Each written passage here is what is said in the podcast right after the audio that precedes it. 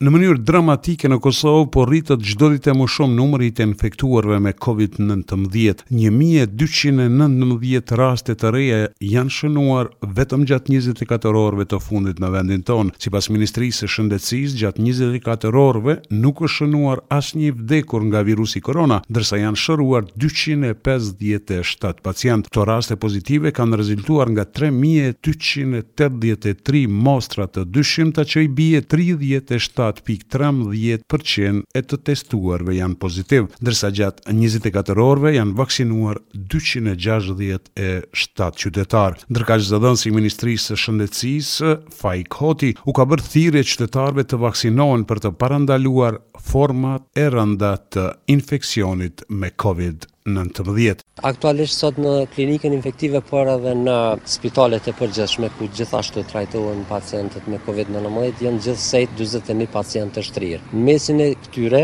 ka pacientë që janë të vaksinuar le të themi me dy doza edhe që janë të infektuar, ndërsa numër shumë i vogël është i atyre që janë të vaksinuar me tri doza dhe të infektuar, prandaj është shumë e rëndësishme që popullata këtyre ditëve, me qëllim që të shmangë edhe kufizime të ndryshme apo masa restriktive, të vaksinohet. Në seancën plenare të Kuvendit të Kosovës, në deklarimet jashtë rendit të ditës, deputetët shprehën shqetësimin për rritjen e numrit të rasteve me Covid nëntëmbëdhjetë, ndërsa kritikuan qeverinë për mosmarrjen e masave, Gjithashtu, shqetësim u ngrit edhe për rritjen e çmimeve. Në seancën paraprake, Kuvendi i Kosovës miratoi në parim projektligjin për Byronë Shtetërore për Verifikimin dhe Konfiskimin e Pasurisë së Pajustifikueshme. Duke parë rritjen e numrit të rasteve me Covid nëntëmbëdhjetë, deputetët opozitarë shprehën shqetësim në seancën e Kuvendit. Deputeti i LDK-së, Armend Zemaj, ka kërkuar që Qeveria të veprojë lidhur me gjendjen e krijuar. Ku në kohën e kësaj qeverie janë thyer të gjitha rekordet e zeza në botë, si për nga numri i të infektuarve ashtu edhe për nga numri i viktimave dhe asnjë deklarim,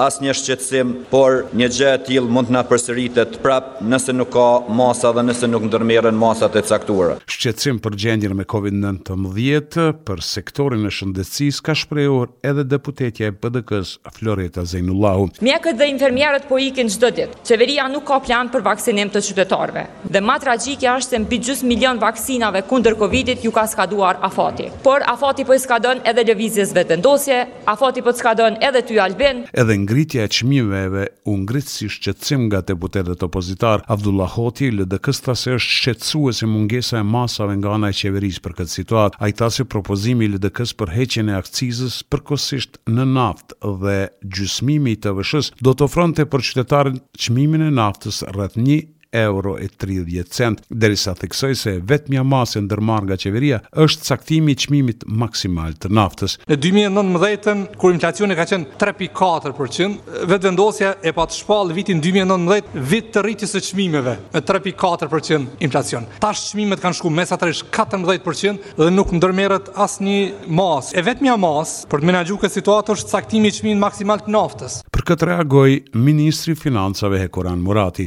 Por vetëm merrni si referencë çmimin e naftës në raportin e fundit të ASK-së është marrë në pik. Pra çmimi i naftës bazë aty, referencë është një euro e tetëdhjetë e tetë cent e ne gjithë e dimë që çmimi ka lëviz shumë më poshtë krahasu me atë periudhë. Ndërkaq lidhur me Byronë Shtetërore për Verifikimin dhe Konfiskimin e Pasurisë së Pajustifikueshme, Kryeministri Albin Kurti tha se nuk duhet ngatërruar Byronë Shtetërore për Verifikim dhe Konfiskimin e Pasurisë së Paligjshme me Vettingun. Byroja Shtetërore për Verifikimin dhe Konfiskimin e Pasurisë së Pajustifikueshme dhe Vettingu në sistemin e drejtësisë nuk janë e njëjta gjë. Nuk është mirë të fusim gjithçka në një thes kur nuk e kanë vendin aty.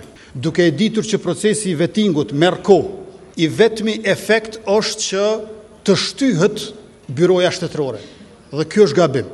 Pra, Vettingu në Drejtësi dhe Byroja Shtetërore për verifikimin dhe konfiskimin e pasurisë së pajustifikueshme janë dy gjëra të ndryshme. Mos i fusim në një thes sepse nuk janë bashkë.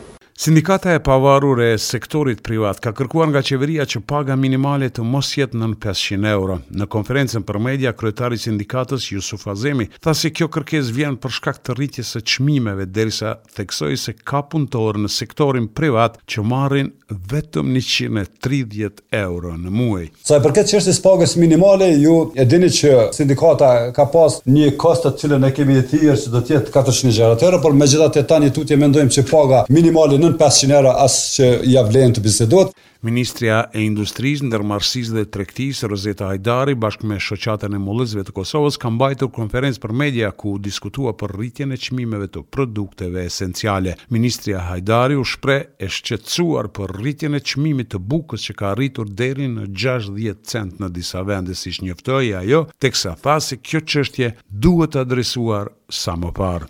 Për Radion SBS, Mendujsa, Prishtinë.